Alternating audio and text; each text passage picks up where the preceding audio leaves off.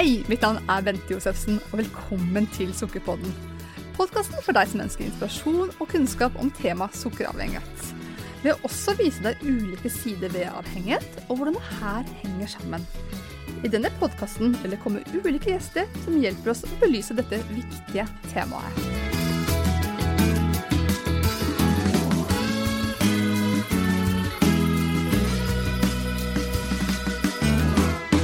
Med meg i dag så har jeg Arman Westad.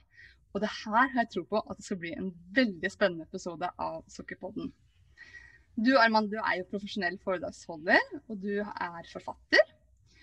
Du har jobbet som gjeldsrådgiver i Nav i 15 år, og det er ikke sikkert alle hadde gjettet på det for noen år siden. Fordi du har jo en litt spesiell bakgrunn med både rus, kriminalitet, du har selv vært gjeldsoffer. Og jammen hadde du en liten finger med i Orderud-saken også, noe vi skal komme tilbake til. Velkommen hit til Sokkepodden, Arman. Tusen hjertelig takk. Takk for at jeg får lov å komme. Ja, veldig hyggelig å ha deg med. Jeg eh, kom egentlig litt tilfeldig over deg og ble, ble så fascinert av din historie. Og det tror jeg kan være til stor inspirasjon også for våre lyttere. Men du kan jo få lov til å fortelle litt mer om deg selv, eh, Arman. Ja, akkurat eh, nåtiden er jo slik at jeg er blitt snart 48 år og er trebarnspappa. Og gift, bor i Trondheim eh, og har eh, en litt eh, annerledes bakgrunn enn folk flest, kanskje. Og det er ikke så veldig mange som kan se på meg i dag når de møter meg på gata, at jeg har vært en skikkelig superskurk, rusmisbruker og gjeldsoffer, da. Så det er den korte, korte bioen min. CV-en. ja. ja. Nei, jeg syns ikke det syns på deg, det må jeg få si. nei, og det, det, er ofte det som er utfordringa av og til. At det ikke er så lett å se på folk at uh, folk har levd et uh, røft liv. Og det er ikke så lett å se på folk at folk uh, ikke har det bra heller. Så jeg tenkte at vi skulle fortelle litt om, om, bakgrunnen min helt sånn innledningsvis, hvis det er greit, Bette? Ja, absolutt. Gjør det, Anna. Ja, og jeg husker det at uh, jeg hadde en um, for Folk spør meg liksom hvordan i all verden hva var det som skjedde i og med at du ble en såpass uh, hva skal jeg si, stor skurk som du ble. da. Hadde du en dårlig oppvekst? Hadde du Var det noe rusmisbrukende foreldre, eller var det noen som banka det, eller noe? Nei. altså Jeg hadde liksom ingenting å hva si, på. da. Mm. For jeg hadde god oppvekst, jeg hadde gode foreldre. Og um, jeg har jo en bror som er tre år yngre, og han er jo i dag politimann. Ja. Og han uh, jobber i dag i Oslo politidistrikt og er drapsetterforsker. Så, og, og, vi vokste jo opp under samme, samme foreldre, samme omgivelser, litt, kanskje litt annerledes venner, men vi vokste opp på ei øy utafor Molde. Så det at det kan virkelig gå så gærent, da, det er jo et, et mysterium for de fleste. Men jeg har prøvd liksom sånn i etterkant å analysere litt. Uh, og, og, jeg tror at uh, min vei inn i utenforskapet kom uh, allerede når jeg var en, en 13-14 år gammel. Ja. For i en periode så bodde jeg vekke fra mine foreldre. For de bodde på en, på en øy som egentlig var litt sånn eh, vanskelig tilgjengelig hvis du var interessert i å sparke fotball, sånn som jeg var da. Eh, mm. Og vi trente en tre-fire ganger i uka, så jeg, jeg, klarte å forhandle med mine foreldre at jeg kunne bo med bestefar min. Ja. Og der bodde jeg en, en periode tre-fire-fem ganger i uka. da. Um, han bodde i nærheten av skolen, så det gjorde at fotballen min, som virkelig var min, uh, var min lidenskap da, uh, ble lett å gjennomføre. da. Men vi ble litt terga, da, vi som kom fra den øya der vi egentlig vokste opp. Og, og den terginga gjorde at jeg egentlig følte meg en del utafor, da. Ja. Og, og når eh, Jeg hadde jo egentlig gått og venta på å få med ganske mange venner i mange mange år. For den øya som vi kom fra, der var det bare to-tre stykker som gikk i klassen min. Så det var liksom et, et fåtall å bli venner med. Og jeg husker at jeg var en sånn hva skal jeg si, en, en unge som likte godt å være sammen med folk og få ting til å skje. og Jeg var en sånn inngangsetter. For en som er glad i sånne ting, så var det lite energi å hente og vokse opp der. da, Så jeg hadde ikke så veldig mange venner. og når jeg kom da på, til bestefar min eh, og gikk på ungdomsskole, som da var på, i Molde, eh, så, så, trodde jeg at det her skulle bli helt annerledes. Men så, men så ble det ikke det, da. Vi ble terga og mobba. Men så var det én ting som gjorde at de klarte å komme meg inn i denne gjengen som var viktig for meg. Og det var at de, jeg fikk penger med bestefaren min. Okay. Han spanderte litt. Um, og ga meg en hundrelapp så mye som var ja, kanskje annenhver dag i en periode. Og i dag så er det verdt kanskje 200-300 kroner, så for en 13-14-åring så var det ekstremt mye penger. Mm. Og da ble jeg akseptert i vennegjengen. Ja. Mm. Så den følelsen som pengene da ga meg, var det som jeg ble fort glad i.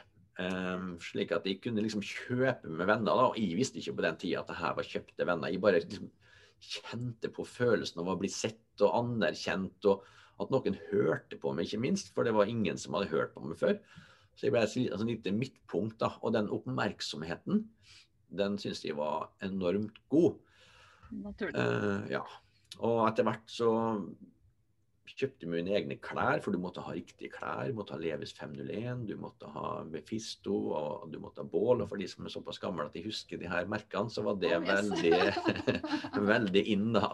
Og, og, det her kjøpte jeg allerede som 13-14-åring, og det er klart at det, eh, det er ikke så mange andre 13-14-åringer som, som, som, gjør det. Eh, så det merkevarekjøret som var i Molde på den tida, og helt sikkert i andre byer òg, og som er det i dag, var det som var liksom min inngang til appetitt for penger. Og når jeg da eh, flytta ut fra min bestefar og starta mitt voksenliv når jeg var 18-19 år, så hadde jeg et vanvittig høyt forbruk. Uh, og det jeg hadde ingen inntekt, da, for da forsvant jo pengene fra bestefar. Og da måtte jeg hente det andre plasser. Og da fikk jeg jobb som dørvakt i Molde som 18-19-åring, som var godt betalt. Men i det miljøet så var det en hel rekke mennesker, ikke alle, men noen, som hadde som røyka litt hasj, og som um, gjorde ja, trente, med, trente, mye styrke og brukte litt anabole. og jeg, De tok godt vare på meg, da, og jeg tenkte at ja, det kan ikke være så ille å prøve litt. Mm. Så da begynte jeg liksom å dra altså, Jeg levde dobbeltliv veldig lenge, da, så, men jeg, jeg testa litt, festa litt med den gjengen her, brukte litt uh, ecstasy. Og for å gjøre en sånn veldig lang historie litt kortere, da, så, så klarte jeg å leve det her dobbeltlivet fram til jeg var 23 år.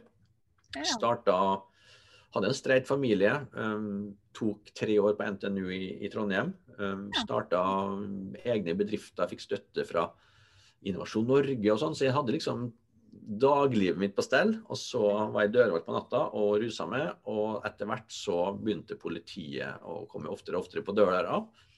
Og da tok det her dobbeltlivet slutt ganske fort. Og jeg flytta til Oslo.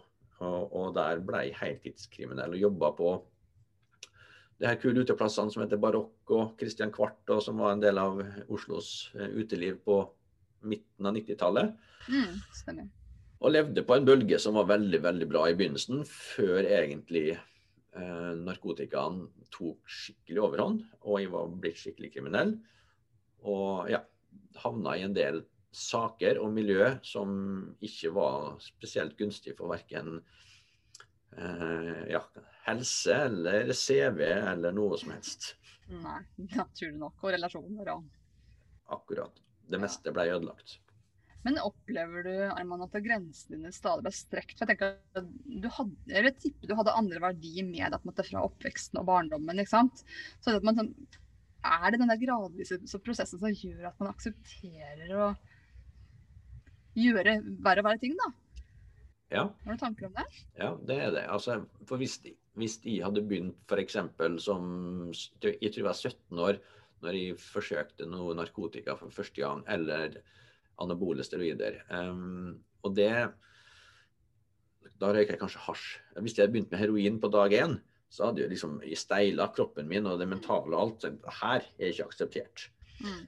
Og, og, ved å gjøre ting som gradvis, da, så flytter du grensene dine sånn som du sier, da, litt sånn umerkelig både for deg sjøl, men også for omgivelsene.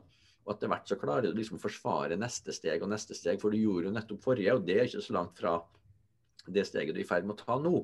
Mm.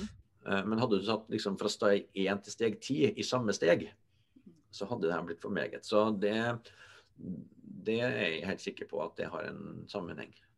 Ja, jeg tenker at jeg tenker, Ikke bare rus, men tenker også kriminaliteten. ikke sant? At det, man strekker, noe- strekker strikken og kommer inn i feil miljø, og så begynner man i det små, og så blir det verre og verre. Ja, det samme, for jeg begynte jo å nappe penger fra min bestefar. sant? Eh, Og det første gangen jeg gjorde det, så var det fryktelig ubehagelig, kombinert med noe spenning. Ja. Um, og når jeg da hadde gjort det en gang, så hvorfor kunne jeg ikke da ta noe fra en butikk? Altså, jeg, det var ikke så ille. sant? Og så flytta du det her, de grensene utover, og til slutt så gikk det fra å, å, å kjøpe 1 kilo amfetamin til eh, kan vi kjøpe ti kilo amfetamin? Det er ikke så stor forskjell. Det var ikke noe forskjell på eh, lovbruddene lenger heller. Nei, nettopp. Hm. Eh, Men ble du arrestert, eller klarte du å gå under radaren, eller hvordan var det i disse årene? Ja, til å begynne med så, så gikk jeg under radaren, tror jeg sjøl i hvert fall. Jeg ble i hvert fall ikke arrestert, men etter hvert som du um, ja, er sammen med en del folk som er i politiets søkelys, så kommer du automatisk inn deg selv også. Og Første gangen jeg ble arrestert, så var, jeg, var ungen min, barnet mitt, var sju måneder. Jeg husker at de visste at de skulle bli arrestert, for jeg har fått melding om det fra mine venner at det har vært noe søk etter meg på min adresse. Da var jeg på ferie i Kristiansand og eh, var inne på Kaptein Sabeltanns område og Dyreparken og sånn. Og da visste jeg at når jeg kom hjem, så ble jeg arrestert. Og det var første gang jeg ble arrestert, og da var jeg i fengsel i noen dager bare, i varetekt. Men etter hvert så har jeg vært mye i fengsel. Eh, det lengste jeg har sittet, er kanskje halvannet år, to år. Ja, det var såpass, ja. Mm. Mm. Men hvordan opplevde du det? Altså, ble du rusfri de periodene mens du var ute til soning, eller hvordan var det? Om jeg var rusfri, Mm, da du var inne til soning? Ja, Det var sånn delt, vil jeg si. Eh, I enkelte perioder så kunne vi bruke fengsel som sånn opptørking, på en måte. Altså La kroppen få hvile litt og knytte nye kontakter i det kriminelle miljøet. Det gjorde vi ofte. Eh, Men i enkelte andre perioder så var det fullstendig vill vest. Altså Jeg kunne få inn narkotika i fengselet ja, i stort sett i alle fengsel i Bodø. Det kommer litt an på hvilken ja, Hvis de satt i varetekt f.eks., så hadde brev- og besøksforbud, som vi ofte hadde, så var det mye verre selvfølgelig å få tak i. Ja. Eh, Men når du satt på vanlig soning, f.eks. i Molde eller i Trondheim, og sånn, så var det veldig mye narkotika i fengsel. Mm. Nettopp. Mm. Jeg skal ikke spørre hvordan dere fikk det til. Nei. Tenk å ja, dele den hemmeligheten. Nei. Så det er, jo, det er jo trist at det er slik. Men når man kommer, altså når man har et rusproblem Arman, og man kommer inn til soning, får man hjelp i fengselet med avrusning? Mm, Ja og nei. Det kom til avrusninga. Den eh, får du nok ikke noe hjelp til, da. For det er ikke noe sånn altså Hvis du skal etter behandling, f.eks. rusbehandling, så må du jo først på avrusning i 10 dager eller 14 dager eller sånn, før du kommer inn i selve behandlinga. Men, men noe sånn er det ikke i, i fengsel, så vidt jeg vet. I hvert fall hvert fall var det ikke det da. Så da må du jo gå rett på avrusning selv, da, på en måte. Hvis du Ja. det du vil. Mm. Mm. Men det er jo veldig mange som kommer i fengsel som fortsetter å ruse seg. De møter jo folk de har møtt tidligere fra ute, utsida. Og da er det jo alltid fengsel, eh, narkotika i et fengsel. Så hvis de vil, så tror jeg at de fleste i hvert fall kan få tak i. Ja, nettopp. Det er ikke noen grunn til å bli avruset nødvendigvis når man går inn til soning. Nei da, men det er lettere. Selvfølgelig. Det er lettere å avruse seg. Eh, fordi, og, og mange tar et aktivt valg at nå trenger kroppen med pause, fordi de skjønner at de har kjørt, kjørt litt hardt. da. Og det gjorde jeg også innimellom også. Men da er det da er det ikke noe behandling eh, med tanke på rehabilitering til å komme tilbake til samfunnet. Da. For jeg tenker at man, kan jo ikke ta, man er jo ikke behandlet om man bare fjerner rusen. Nei, og, og, men det finnes ulike program selvfølgelig i fengslene. Uh, sånn at det gjør det nok. Og jeg var jo, når jeg uh, bestemte Siste gangen jeg satt i fengsel, så var det i Molde fengsel, ja. Uh, og da hadde jeg sittet ca. et års tid. Og da fikk en av de som jobber i fengselet med til å søke på noe som heter Stifinneren i Oslo fengsel, som er en rehabiliteringsavdeling i fengselet i Oslo der. Eh, og det er i regi av Tyrili, da. Tyrili behandlings... eh, ja, som er en del av Tyrili-stiftelsen, da. Og der er det jo behandling uh, i fengselet. Og da er vi helt atskilt. Og da, det var da jeg starta min si, tilbakeføring til det normale samfunnet. da. Ja. Så sånne, så, sånne avdelinger finnes det rundt omkring i, i Norge, da. Men da må du være motivert selvfølgelig for å få plass. Det er klart. Det er naturlig. Men så Denne der Orderud-saken, hva, hva, hvilken rolle hadde du i den? Nei, nå skal du høre. er Eh, ja. Nei, jeg hadde jo en, eh, en utgangspunkt, en, eh, en hva skal jeg si, en hellerirolle. Det vil si at de skaffa, skaffa våpen. eh, Og et av de våpnene som de jeg skaffa, ble jo da brukt til drapene på Orderud. Eh, Sånn at den daglige Kanskje si feil å si dagligdagse, men en, en hverdagslig hendelse da, som det var for meg å skaffe våpen på den tida der, Ja. blei ganske sånn mye mer omfattende, selvfølgelig, enn det jeg så for meg normalt sett. da. Og når den pistolen som Jens skaffa beviselig ble brukt i de drapene, så var det jo selvfølgelig en enorm oppmerksomhet eh, både i media og fra politiet og fra det kriminelle miljøet og alt. Sånn at eh, det snudde jo på en måte litt sånn litt sånn opp ned på tilværelsen min. Eh, mange tror jo at når jeg ble involvert i den saken og jeg var i retten og var på første side av VG og Dagbladet sånn i en lengre periode, så at det var det som gjorde at de snudde livet mitt. Men det var faktisk ikke der. altså det var jeg brukte faktisk den saken. Jeg husker at jeg satt og tenkte hva jeg skal gjøre nå. For det var jo det var jo mye stress, selvfølgelig, men jeg bestemte meg for at jeg skal bruke den saken i litt, litt sånn hva skal jeg si, merkevarebygging, kaller jeg det, Som kriminell. som kriminell. Ja. Um, fordi at det var jo en sånn Jeg kom til en sånn periode hvor folk begynte liksom å la være å betale gjeld og sånt til meg. Og, og jeg bestemte meg for at vi skulle bruke den saken her, som kunne springe litt sånn ærend for meg. da. Sånn at um, det hjalp veldig i forhold til å få inn gjeld um, fra folk som da krita ting med meg, eller betalte ikke betalte før de har solgt partiene mine, f.eks.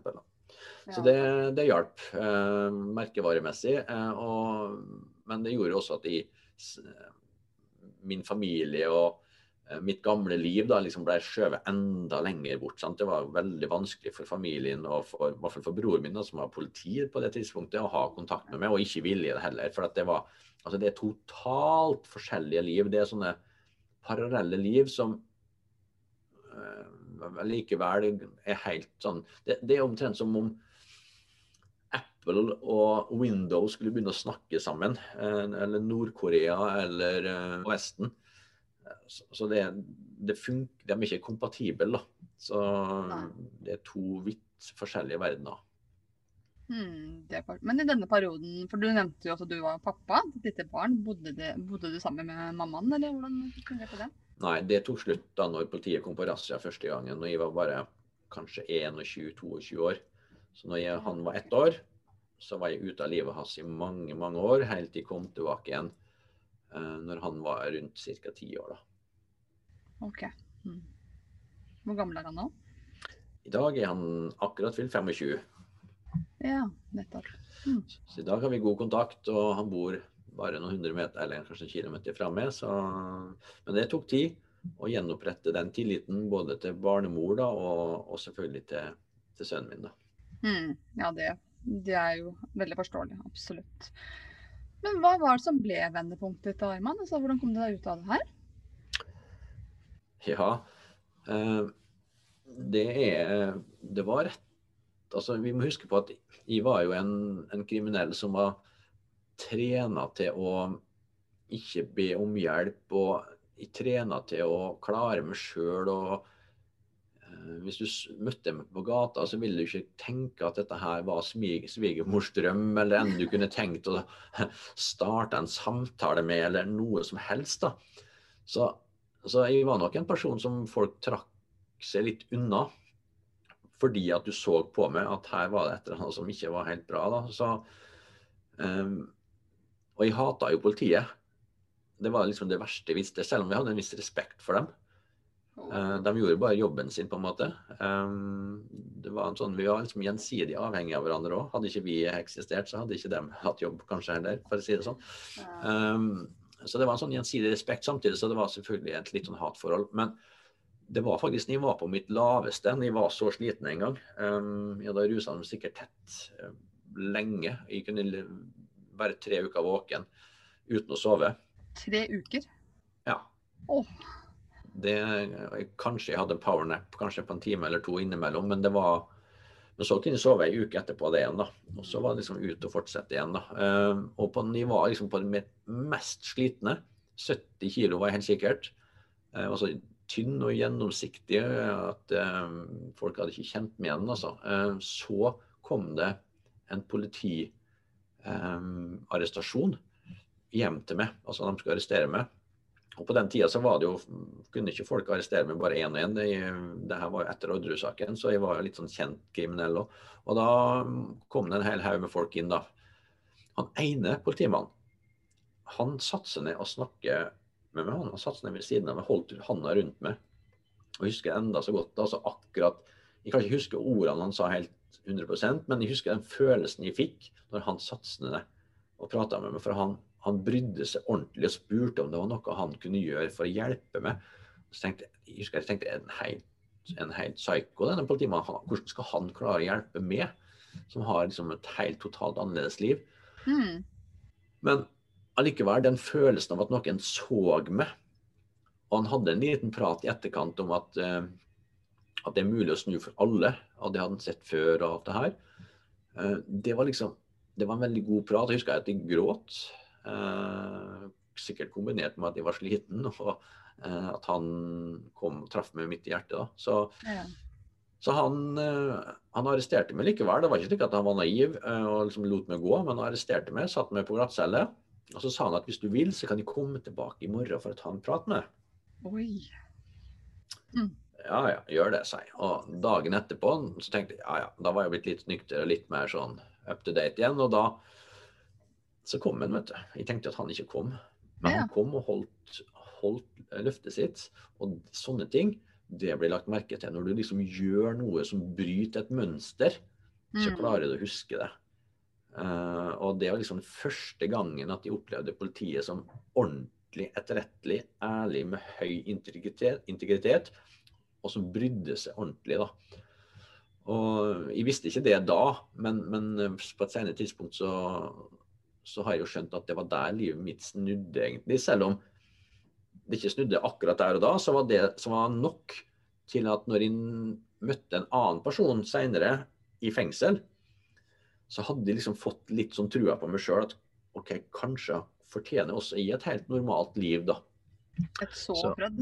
Ja, ja, han sådde et frø. Han starta en sånn ja. gnist, egentlig. Så det var helt um, For de fortsatte å ruse meg og holdt på et kanskje, jeg husker ikke helt, men kanskje et halvår, tre kvarter, en trekvart år til. Og så ble jeg arrestert på nytt igjen, da. Og da havna jeg i fengsel i Molde. da. Og det var da jeg møtte denne fengselsbetjenten i Molde, som hadde mye mer tid med meg enn eh, politimannen. Ja. Eh, for han hadde jo bare ti minutter, og hun snakka med meg mye. Men også i fengselet så var det veldig vanskelig å få liksom, komme innpå. For jeg hadde en sånn rolle, en fasade som jeg skulle ivareta i fengselet. Jeg var en tøff kriminell. Mm. Så hun tok meg ut av fengselet og gikk med meg i Moldes gater og prata med meg. For da klarte hun å nå inn til meg. Um, og, og hun overbeviste meg, da, eller inspirerte meg til, at jeg måtte søke sosionomutdannelsen når jeg ble ferdig sona. Fordi at jeg likte å hjelpe folk. Og så sa jeg at ja, vet du hva, kanskje jeg skal bli sosionom, for at sosionomene gjør så elendig jobb her. De skal bli verdens beste sosionom, hadde jeg uttalt det, ifølge henne. altså, altså hun, og, og, og, det er sånne ting at du går med meg ute i Moldes gater uten håndjern. Mm. I, i, I min hjemby, der jeg var en kjent kriminell det ble også lagt merke til av meg. Eh, for det var du brøt et mønster igjen. Du gjorde noe som var annerledes. Eh, mm. Du tok en sjanse. For jeg kunne ha stukket av. Ja, absolutt. Så, og hadde ikke tatt med igjen da, som jeg hadde blitt tatt senere, selvfølgelig. Men det, er sånne ting ble lagt merke til. Og da var det som gjorde at de søkte på stifinneren da, i Oslo fengsel, var der i ja, til sammen så var jeg på Tyrili i 16 eh, måneder før jeg starta på sosionomutdannelsen i Trondheim i 2003 og var ferdig utdanna i 2006. Og nå har jeg moderert meg i forhold til at de skal bli verdens beste sosionom, og at alle andre sosionomer er dårlige sosionomer, for det, det vet jeg ikke stemmer. Så det ble satt i, satt i affekt. Uh, men, men um, siden så har jeg da vært sosionom i ulike formater. Ja. For en historie, Arman. Det er jo helt utrolig. Men denne politimannen du møtte den gangen, har du, har du møtt han siden? Å oh, ja, det har jeg, vet du. Mm. Så han, eh, Jeg holdt et foredrag i Molde en gang, og da var han invitert inn. Også eh, fengselsinspektøren, begge to var der. Så begge måtte reises opp og få sin velfortjente takk underveis i foredraget. Så det, det var et rørende øyeblikk. eh, Og jeg fortalte han at det var han som mest sannsynlig redda livet mitt. Og det er selvfølgelig ekstremt eh, energigivende for han, men han sier jo at jeg tror ikke han kanskje så for seg på den tida når han lå og fant meg på den falleferdige sofaen hvor vi lå sånn halvveis opp nedslengt i sofaen, at jeg noen gang skulle bli en nasjonal prosjektleder i Nav, da, sånn som jeg ble de siste, de siste fem årene vært nå. At jeg liksom skulle bli det. Men han tenker sånn om alle at alle har et potensial til å bli noe annet, da. Men folk må jammen få en sjanse. Så han Mm. sier, og det, det politimannen har lært meg, da, det er at jeg skal være hyggelig mot alle i møte. Altså, jeg tar ikke sjansen på å la være, for du veit aldri hvem som trenger det mest, og når de trenger det.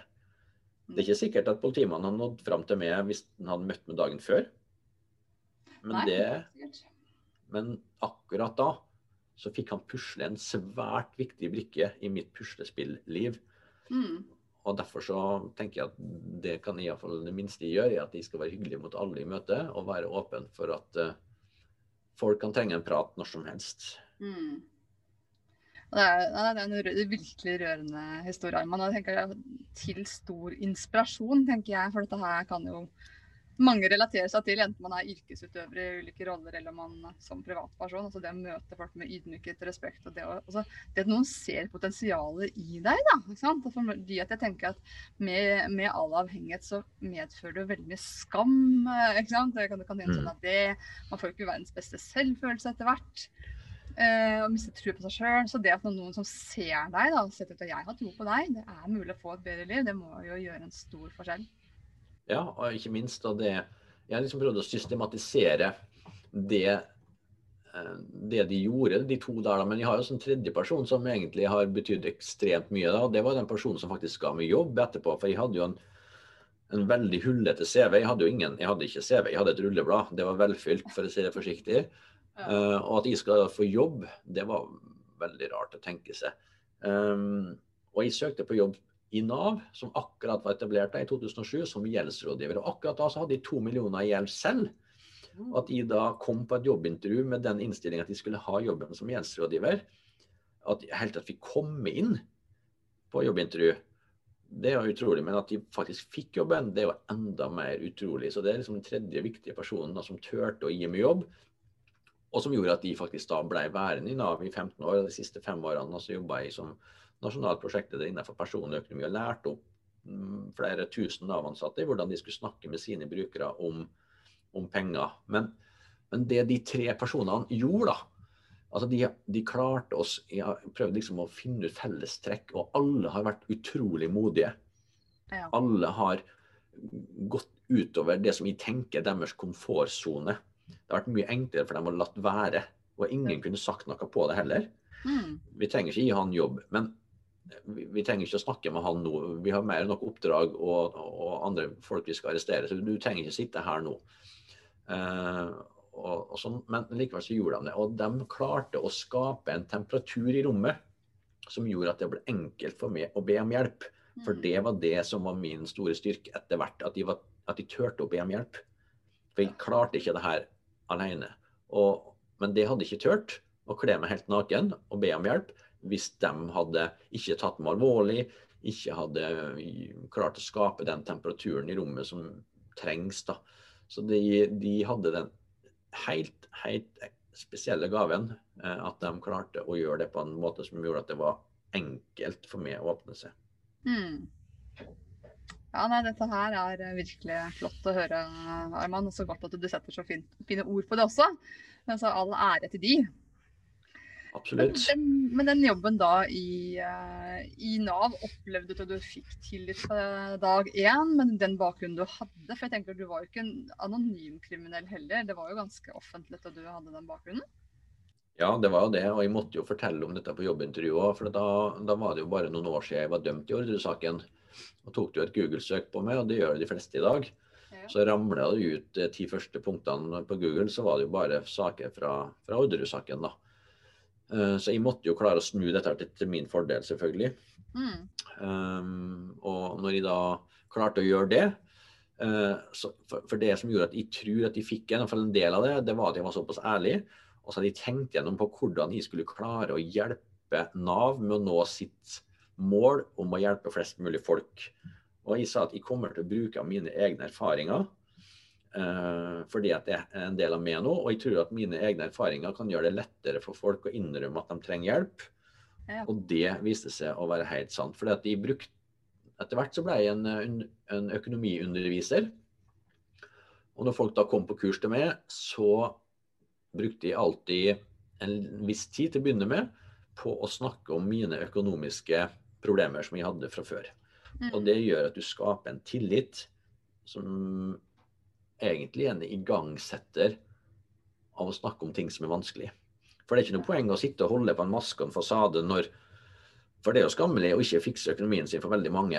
Å komme på et kurs for eksempel, også, sammen med andre som også er per definisjon føler seg litt mislykka, så skal du sitte og innrømme det. Og når jeg da forteller om mine problem, så tenker mange da, vet du hva, jeg trenger ikke sitte og holde tilbake på noe, for når han som sitter foran meg har vært ti ganger verre, så kan jeg faktisk si noen ting om mine utfordringer. Og da får vi spennende ting til å skje. Da får, du- da får du, jeg får vite så mye som ellers ville vært vanskelig å få tak i. Så jeg brukte helt bevisst åpenhet, sårbarhet, eh, for å få ting til å skje. Og da får jeg sårbarhet tilbake. Nettopp, ja. Og det, det her er veldig gjenkjennbart i mitt eget arbeid også. fordi at eh, de som også har en sukkeravhengighet, og det er det som de er spesialisert på å hjelpe mennesker med, så er det utrolig mye skam over det at man har ikke kontroll på hva man spiser. Eh, og alle de konsekvensene det her får. Og det at jeg selv har, har en sukkeravhengighet og vet hva det her handler om, gjør at folk faktisk åpner seg for meg. eh, Ting de kanskje har holdt skjult for både familien sin og leger og, og kollegaer og venner osv. i årevis. Fordi Mm. man, all avhengighet gjør man som regel mye i skjul, da. Mm. Så, så det er veldig fint det du, det du sier her. Men så ble jeg også litt nysgjerrig på denne gjelden du hadde, for den var jo ganske heftig, da. Hvor, har du blitt kvitt den, eller hvordan gikk det? Ja, det ble jeg faktisk da. Um, men det var liksom på hengende håret det jo egentlig, da. Fordi at jeg var jo en Når jeg først bestemte meg for å snu livet mitt, uh, så klarte jeg å gjøre det ganske bra ved hjelp av bl.a. de tre modige personene her, da. Um, men det som var vanskeligst å be om hjelp til, det var faktisk pengene. Ja. Så, så når, for, jeg, for jeg kunne jo bruke 50 000 kroner på en dag, sant? og penger var for meg identiteten min. Det var Mm. sånn jeg var vant til å fikse selvfølelsen min og alt dette her nå. Når det her ble frarøva meg, og jeg måtte klare å leve på 5000 i måneden etter at husleia var betalt, fra jeg hadde støtte fra Nav når jeg skulle starte på igjen rehabiliteringsprosessen, så var det en himmelvid forskjell. Uh, så jeg tenkte at OK, det er noe som heter gjeldsordning. Når du har masse gjeld, så kan du søke om noe som heter gjeldsordning. Da. Og det tenkte jeg, hvis de bare får det, så fikser jeg Da blir alt perfekt. Så fikk jeg jo det. Men i gjeldsordninga så krever det også at du betaler litt penger til kreditorene dine, dem du skylder penger. Eh, Og når du, hvis du gjør det da i en femårsperiode, lever på marginal, en, en marginal linje der, så vil resten av gjelda være sletta. Men allerede på år én så holdt de på å få den ordninga annullert. For de klarte jo ikke dette. De hadde ikke lært meg å håndtere pengene Men De fortsatte jo å bruke pengene nesten som, som før. Eh, jeg var tom etter dag tre, sant? så og måtte begynne å låne og alt dette her. Og da måtte de bestemme, da måtte de virkelig snu. Og det var liksom en sånn viktig sånn Skal jeg gå tilbake til gamlelivet, skaffe 50 000 som jeg nå lå på etterskudd med å betale inn til min gjeldsordning? Eller skulle de prøve å løse her på egen hånd med normale midler, lovlige midler? Da bestemte jeg meg for det siste og fikk låne litt penger med min mor, mot forutsetning at de tok tak i dette her nå. Og Det var da jeg begynte å ta tak i økonomien min um, og lærte meg å leve på lite penger. Og det var det um, det var det som gjorde at jeg søkte på jobben som gjeldsrådgiver i Nav også. For jeg skjønte at hvis jeg syntes det var vanskelig, så var det mange andre som syntes det var vanskelig også. Så jeg gikk egentlig inn i jobben som gjeldsrådgiver som at det her var det var livsengasjementet mitt å hjelpe folk med økonomien. Og bra, og den troverdigheten du får også i dette, her er jo til stor hjelp, vil jeg tenke. Så det er uh, veldig bra. Men det jeg tenker da, er at du beskriver jo ikke sant? Altså, det er litt interessant å se mønsteret ditt, for du beskriver jo også at det, du har jo hatt mange ressurser i deg, Arman. Og det, det, er det jeg også sier til veldig mange. for at Når man sliter med avhengighet, så som jeg var innom, så får man ofte gjerne dårlig selvfølelse, for man opplever at man fikser jo ikke livet. Man har ikke kontroll på seg selv. Så prøv å vekke håp om at hva? hvis du tar tak i uh, avhengigheten din og kommer deg over et liv i tilfriskning, så vil du oppdage at du har faktisk en helt fantastisk rå hjerne med så mye ressurser og kapasitet. Men da kan du bruke de ressursene, kapasiteten, kreativiteten til noe positivt, noe konstruktivt, istedenfor avhengigheten. For at alle med avhengighet bruker jo eh, disse ressursene til å bortforklare og finne utveier og finne måter å vedlikeholde på osv. Jeg tenker også hvordan du på en måte sa det med merkevarebygging i det kriminelle miljøet. ikke sant? Altså, mm. Det er jo egentlig en genial tanke, hadde det bare vært i en lovlig retning. Mm. Og, det, og, det, er jo det du gjør i dag, tenker jeg. ikke sant? Så jeg tenker at Alle de ressursene du egentlig har hatt med deg hele veien, kan mm. du da bruke til noe konstruktivt og noe bra. Ikke sant? Og så har jo, og det her tror jeg mange eh, ser på Det som gjør at de holder foredrag og sånn om dette, her nå, er bl.a. fordi at de skal hjelpe folk å komme ut av det, men også inspirere andre som jobber i hjelpeapparatet til å eh, få en forståelse av at ting er ikke helt svart-hvitt alltid. Det finnes snille kriminelle, og det finnes slemme ikke-kriminelle. Mm. Uh, og så vil jeg også si at jeg lærte utrolig mye i det kriminelle miljøet som i dag har superbra nytte av. Mm. Um, og det er også grunnen til at jeg sammen med en, en god venn av meg har starta, noe som heter Røverrekruttering. Som ja. skal være en brobygger mellom ekskriminelle og det normale arbeidslivet. Og den tanken som vi har satt i gang der, eh, har også fått internasjonal oppmerksomhet. Så jeg var, jeg var en, eh, en TEDX-tale nå i september i Portugal, hvor jeg fortalte litt om akkurat dette her nå. Oi. Og da, da, og da tar jeg fram i, i, i, overspill, ikke nødvendigvis, men jeg prøver å fremheve en del ferdigheter, egenskaper og andre kunnskap som du får da, ved å leve i et kriminelt miljø. Blant, mm. for, for, min egen del, da, så, bare for å si hva jeg har, hva jeg har lært. Jeg har alltid vært kreativ, både før og etter jeg har vært eh, kriminell. Så den kan nok ikke nødvendigvis um, tilskrives min kriminalitet. Men jeg har fått spissa kreativiteten min veldig, for at jeg var utrolig kreativ i det kriminelle også. Uh, mm. Utvikla merkevarer, utvikla nye produkter. Eh, jeg lurte politiet på mange måter eh, og var flink til å se kreative ting. Nye ting som jeg kunne selge og tjene penger på. Da. Og Det tar jeg med meg nå, fordi at jeg starta jobben min som gjeldsrådgiver. Men etter hvert så lagde jeg jo feil å si at jeg lagde mine egne stillinger, men jeg søkte om prosjektene hele tida.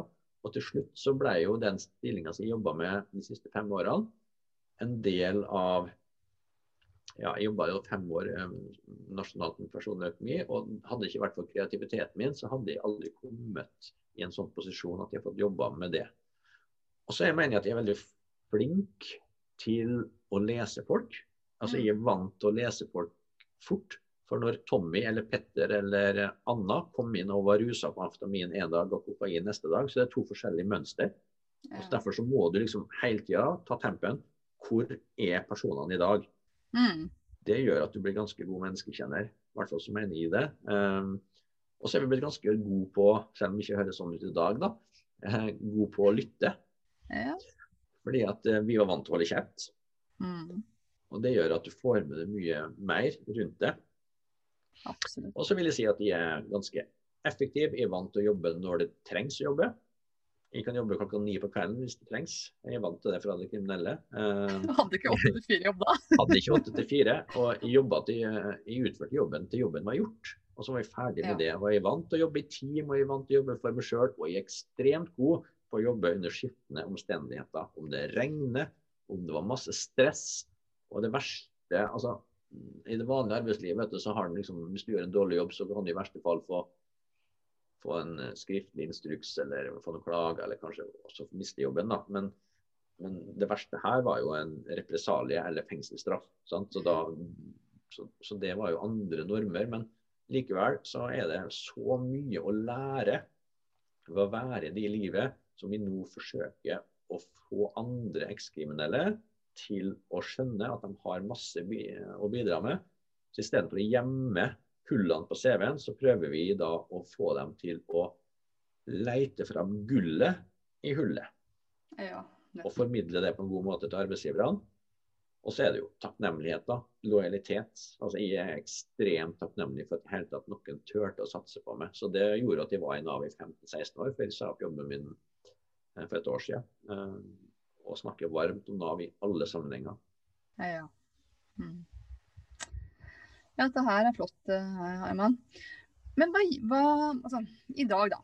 Hvor mange år siden er det du rusa deg nå? Og nei, det er slutta å telle, så da må jeg nå telle Da må vi telle 2002. 4. Eh, mai kom jeg til, eh, kom jeg til Oslo fengsel, og da var jeg, da var jeg full av amfetamin. Da kom jeg rett fra Molde fengsel.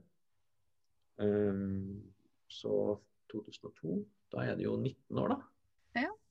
Ja. Ja, ja, så jeg rusa meg på narkotika. da. Jeg har jo drukket alkohol for det gjør jeg jo normalt forhold til alkohol i dag, men ikke borti narkotika. Nei, nettopp. Eh, men har du kjent på noe sug etter å ruse deg eh, etter du ble avruset, eller hvordan har det vært? Ja, Til å begynne med så var det nok um, så var det nok et savn innimellom. Liksom, for da var det liksom, da tenkte jeg på de her gode stundene. For det var, det var liksom viktig å få fram. Det var veldig mange gode stunder. Det var ingen, du ruser for at det er godt i begynnelsen. I begynnelsen, ja. Eh, sånn at, for det fjerner jo en del dårlige følelser. Og så er det jo, jeg var jo en sånn gladgutt. sånn at jeg, jeg var ecstasy og kokain og reiste rundt i hele Norge og Europa på houseparty. Og jeg var sjelden sur, for å si det forsiktig. Jeg var en, en, en blid person. Eh, og alle rundt meg var, var blide egentlig, så vi skapte jo mye humør rundt oss. Eh, men ikke hatt noe altså noen, noen lurer på det i dag, om du har noe russug etter amfetamin eller ecstasy eller GHB sånn som vi brukte mye av. Nei, det finnes ikke. I, og jeg kunne gå på jeg kunne møte På den tida når det var Plata i Oslo, så kunne jeg liksom gå ned på dit allerede et år uten å kjenne noe sug. eller sånt. Så jeg hadde, jeg hadde bestemt meg for at jeg var Og jeg var nok mer en kriminell enn jeg var en rusmisbruker, da kanskje. Så jeg, jeg var mer avhengig av pengene og følelsen av å føle seg anerkjent og sett. Mm. Det var nok den jeg klarer å kjenne mest på, uh, som vi kan spore tilbake til min oppvekst. Da. At, de, at jeg ble mobba og terga, ikke ble sett, og, og, at pengene da ble liksom inngangen min. Uh, så appetitten på penger, avhengigheten til penger, den klarer jeg faktisk å kjenne på den dag i dag. Um, og det er jo derfor jeg jobber med penger nå. Ja. Fordi at de det er feil å si at det er sånn elsk-hat-forhold, men eh, jeg er veldig bevisst på det. For jeg kan kjenne igjen følelsen av ting. Dyre ting, ting, dyre, fine biler. Jeg, jeg klarer liksom å kjenne på Jeg skjønner hvorfor folk higer etter det. Ja. Mm. På, en, på, en, måte som gjør at eh, Og så klarer jeg å beskrive det, og så klarer jeg å snakke med folk om det. Og så er jeg jo glad i å kjøpe fine ting i dag òg, men i, hvis de skal kjøpe meg bukse, så betaler jeg aldri full pris på den. Jeg bruker jeg kjøper når det er 60% salg på. Ja. Eller så kan jeg kjøpe mange ting som er billige og av god kvalitet. Og etter hvert så har jeg jo blitt I og med at jeg jobba med dette her i 15 år så har, og gitt ut bok om penger, så har jeg jo eh, etter hvert fått god erfaring i akkurat det her, da. Mm. Nettopp. Vi hadde jo en liten prat før vi startet innspillingen av denne podkasten hvordan altså, alle utløp for avhengighet henger sammen. At man kan jo gå fra det ene til det andre. Og her er du litt innom også dette med penger. Og jeg tenker at det med kriminalitet også er det mange som beskriver som et utløp for avhengighet. At det kan bli da, at man blir eh, faktisk avhengig også av eh, å utføre kriminelle handlinger. Så, så det å tenke at man bare skal fjerne noe, og så er man kurert, det er ikke nødvendigvis eh, helt slik. Nei, og jeg har jo hva skal jeg si da, det, det, penger også. Jeg, men jeg har ikke noe avhengighet av noe annet sånn middel i dag som er, som er si, eh, helseskadelig. Jeg, jeg liker å trene, f.eks. Eh, I dag så gjennomfører jeg i hvert fall under normale omstendigheter, så er jeg med på triatlon. Og det er jo konkurranser som foregår i både fem og seks og sju timer. Og kanskje opp mot tolv eh, når du er med på de lengste. Og det krever jo også at du trener mye for å være i form til å komme dit. Nå er jeg riktignok i nederste del av eh, feltet, for å si det forsiktig. Men følelsen av å trene er for meg ekstremt viktig.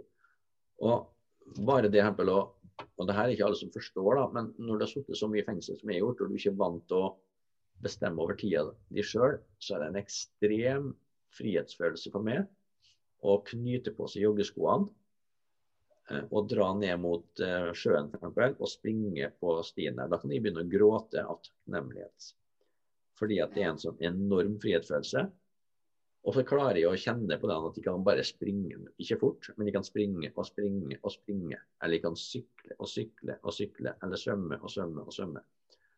Så, så har jeg jo familie på to små barn nå, og har en, eh, har en uh, turnusarbeidende jordmor som kone. Så, og når jeg da i tillegg hadde i 2019 hadde over 100 reisedøgn pga. Ja. foredragene mine, og skulle kombinere alt dette nå, så blir det jo en hva skal jeg si, avhengighet av å prøve å få dette her til å gå i hop. Strukturere det.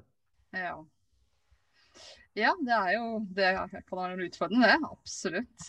Um, men du har jo levd et liv som har handlet mye om å gjøre ekstreme handlinger. ikke sant? Og jeg tenker at liksom, Det kriminelle miljøet, det er jo mye spenning i det. De gjør ekstreme ting. og Alt det her kan jo gi skikkelig kicker i hjernens belønningssenter du, hvordan tenker du om livet i dag? Trenger du fortsatt noen sånn ekstreme opplevelser for å ha det bra, eller kan du klare deg med som vanlig average hverdag som andre? Det er et godt spørsmål, og jeg kjenner jo mange som i erstatning for det kriminelle livet, enten hoppe i fallskjerm eller basehopp eller eh, andre ekstreme varianter. da. Men i, det mest ekstreme jeg har, er jo akkurat det her. da, altså å trene. Um, og jeg har jo et ganske kjedelig liv sånn sett i forhold til, det tidligere. Um, men jeg elsker jo det livet, da. Og det, det, er klart at det livet, det normale livet, hvor jeg sover godt om natta, og hvor jeg, hvor jeg, ser at jeg har en betydning for ungene mine i deres oppvekst. Uh, at de har, at de har utgjør en forskjell i andres liv, da, når jeg holder foredrag for folk, eller når jeg snakker med dem én til én, det er det som er, er blitt min nye avhengighet. da. Altså, jeg tror at jeg har blitt litt godt hjulpet da, at jeg har høydeskrekk og sånn. At, at, jeg er en sånn litt redd person, for jeg har blitt litt eh, skakkjørt av det gamle livet. Så mm. jeg, jeg, utfordrer ikke ting som gjør at eh, Som er for ukomfortabelt eller jeg, kan, jeg har jo jeg hater å snakke foran folk, så det å bli foredragsholder var jo skikkelig eh, steg framåt. Um, så jeg, jeg, jeg, tar en del sånne eh, utfordringer for å prøve å overvinne en del frykter. Men jeg, har å hoppe i fallskjerm sånn, det kommer, det kommer vi aldri til å gjøre. Nei. Men det å, det å, stå på en scene kan også være et energikick. Det kjenner jeg for jeg selv på. Jeg elsker å holde foredrag. og det er sånn og jeg merker det, ja. 2020 med lite foredrag og sånn. Ja, nei, jeg gleder meg til å komme ut igjen. Ja, jeg er helt enig med det. Og det kan nok være en slags Jeg har blitt spurt om det, om det å stå på scenen foran 1000 mennesker f.eks., eller 10 for den saks skyld òg. Uh, gir det det samme kicket, liksom, at du er oppmerksomhet og midtpunkt og sånn? Og det, jo, det, det, er det nok helt sikkert. Uh, men det er i hvert fall ikke kriminelt, da. Litt, ja. men, men, du er kriminelt god! Det vil jeg bare si, fordi Du har blitt nominert som en av de beste foredragsholderne på talerlisten, som en av fem nominerte nå i 2021. Ja, det stemmer. For um, det er jo bare noen timer siden vi fikk vite det. Så det er jo en enorm anerkjennelse. Og jeg må jo bare innrømme at i, og, og det sniker inn en sånn følelse av at det her er ikke fortjent. Altså, Jeg fortjener ikke det livet jeg har nå. Og, og, det er en selvfølelse som sitter igjen fra gamlelivet. Eh, men jeg har klart å balansere den nå. Jeg klarer liksom å snakke til styggen på ryggen her, liksom. Eh, men han er veldig sterk hos meg. Men jeg har en annen Ja. fin fyr på høyresida mi som sier at eh, det her regulerer du fint med å tenke noe annet. Så det å få bli nominert der, det er utrolig stolt, og eh, ser på det som en, eh, en seier for meg sjøl. Veldig sånn stor bragd. Ja, virkelig. Og jeg tenker at når denne kommer på lufta, så Eller ja, de som hører det her i etterkant også, så er det kanskje avgjort, så får de gå inn og google hva resultatet ble. Men jeg tenker bare det å bli nominert, Arman, det er virkelig imponerende. Og jeg kjenner mange av foredragsholderne på den talerlisten, og jeg vet at der er det mye dyktige folk, så det må du virkelig ta med deg. Ja. Og jeg tenker også for de, for nå skal vi begynne å gå mot en avrunding, men for de som hører på denne, denne podkasten, så tenker jeg at du skreddersyr jo foredrag for bedrifter, organisasjoner, foreninger. Mm. Så jeg tenker at Google Google lærer gjerne opp deg. for det, man Kan man booke deg både på talerlisten og deg direkte, eller går, hvordan er det det organiseres? Nei, jeg sender Jeg kan godt gå inn på, på min side for å lese mer om meg og sånn, eh, og ta kontakt med meg, men jeg sender jo det alt til talerlisten, da. Så Ja, ok. Så, alt, Så det- formidles alt formidles med talerlisten, ja. Mm. Ja, nettopp. Og så tenker jeg at du også kan uh, si litt om boka di, hvis noen skulle være interessert i den. Hva heter boka di? Herman? Du, den heter eh, 'Lommeboka i hverdag og krise'. Og den har jeg skrevet sammen med Guro Sollin Eriksrud. Og jeg jobba jo i Nav i veldig mange år, og hun jobba i Røde Kors og nettverk etter soning, så hun jobba med straffedømte. da. Sånn at vi hadde en inngang økonomi som var ganske sånn felles lidenskap og engasjement. Så vi bestemte oss for å skrive en bok sammen som gikk mot grupper som har lite fra før. Uh, enten som har det, eller som står i fare for å få det. Sånn at uh, permitterte, arbeidsledige og andre med lav inntekt har- var hovedmålgruppa vår. Da. Så når pandemien slo inn i, i mars 2020, da hadde jeg jo akkurat starta for meg sjøl. Jeg sa jo opp jobben min i 1.2.2020, så det var ekstremt dårlig timing å si opp en fast jobb i det offentlige. Eh, Da bestemte vi oss for å skrive slutt. Og det, den kom ut da i, i fjor sommer. Og jeg vil si at det finnes ingen maken bok som akkurat den der, da, som er veldig praktisk. Eh, som handler om hverdagsøkonomien, hvilke grep du kan ta. Og så prøver vi å sammenstille, eller ikke sammenstille, men å gjøre at folk ser at sammenhengen mellom de økonomiske valgene vi tar, den henger nært sammen med hvordan vi har det. Altså Mm. Følelser og penger henger nært sammen. Og Ja. selvfølgelig proppet med egne eksempler fra min egen bakgrunn, både som gjeldsrådgiver og, eh, og som økonomisk rotekopp da, fra tidligere. Nettopp. Ja, men du har skifta noen beiter på mange områder, skjønner jeg. Ja, jeg har gjort det, altså. Ja. Men den boka den kan bestilles i alle bokhandlere, er det sånn? Det kan en, og så kan den bestilles fra lommeboka.no. da. Den, eh, der kan en kjøpe den direkte. Ja, nettopp. Mm. Så bra. Og du skal jo som takk for at du stilte opp i Sukkerpodden for min bok også, som heter 'Sukkeravhengig bli frisk uten sukker', som er på vei ut i bokhandlerne disse dager. Så når denne podkasten er publisert, så er den å finne, finne i alle, altså i bo, fysiske bokhandlere, men også alle nettbutikker. Så det, det er du fast som takk for din innsats her i dag. Ja. Den gleder jeg meg til. Det var et veldig spennende, en veldig spennende tema som vi ikke hadde sett før i det hele tatt. Så den, skal leses med stor glød og interesse. Å, så hyggelig å høre. Men tusen takk for at du tok deg tid til å bli med i Sukkerpodden, og alt det du har delt fra ditt personlige liv. Det syns jeg er modig og ja, veldig takknemlig for det. Veldig inspirerende.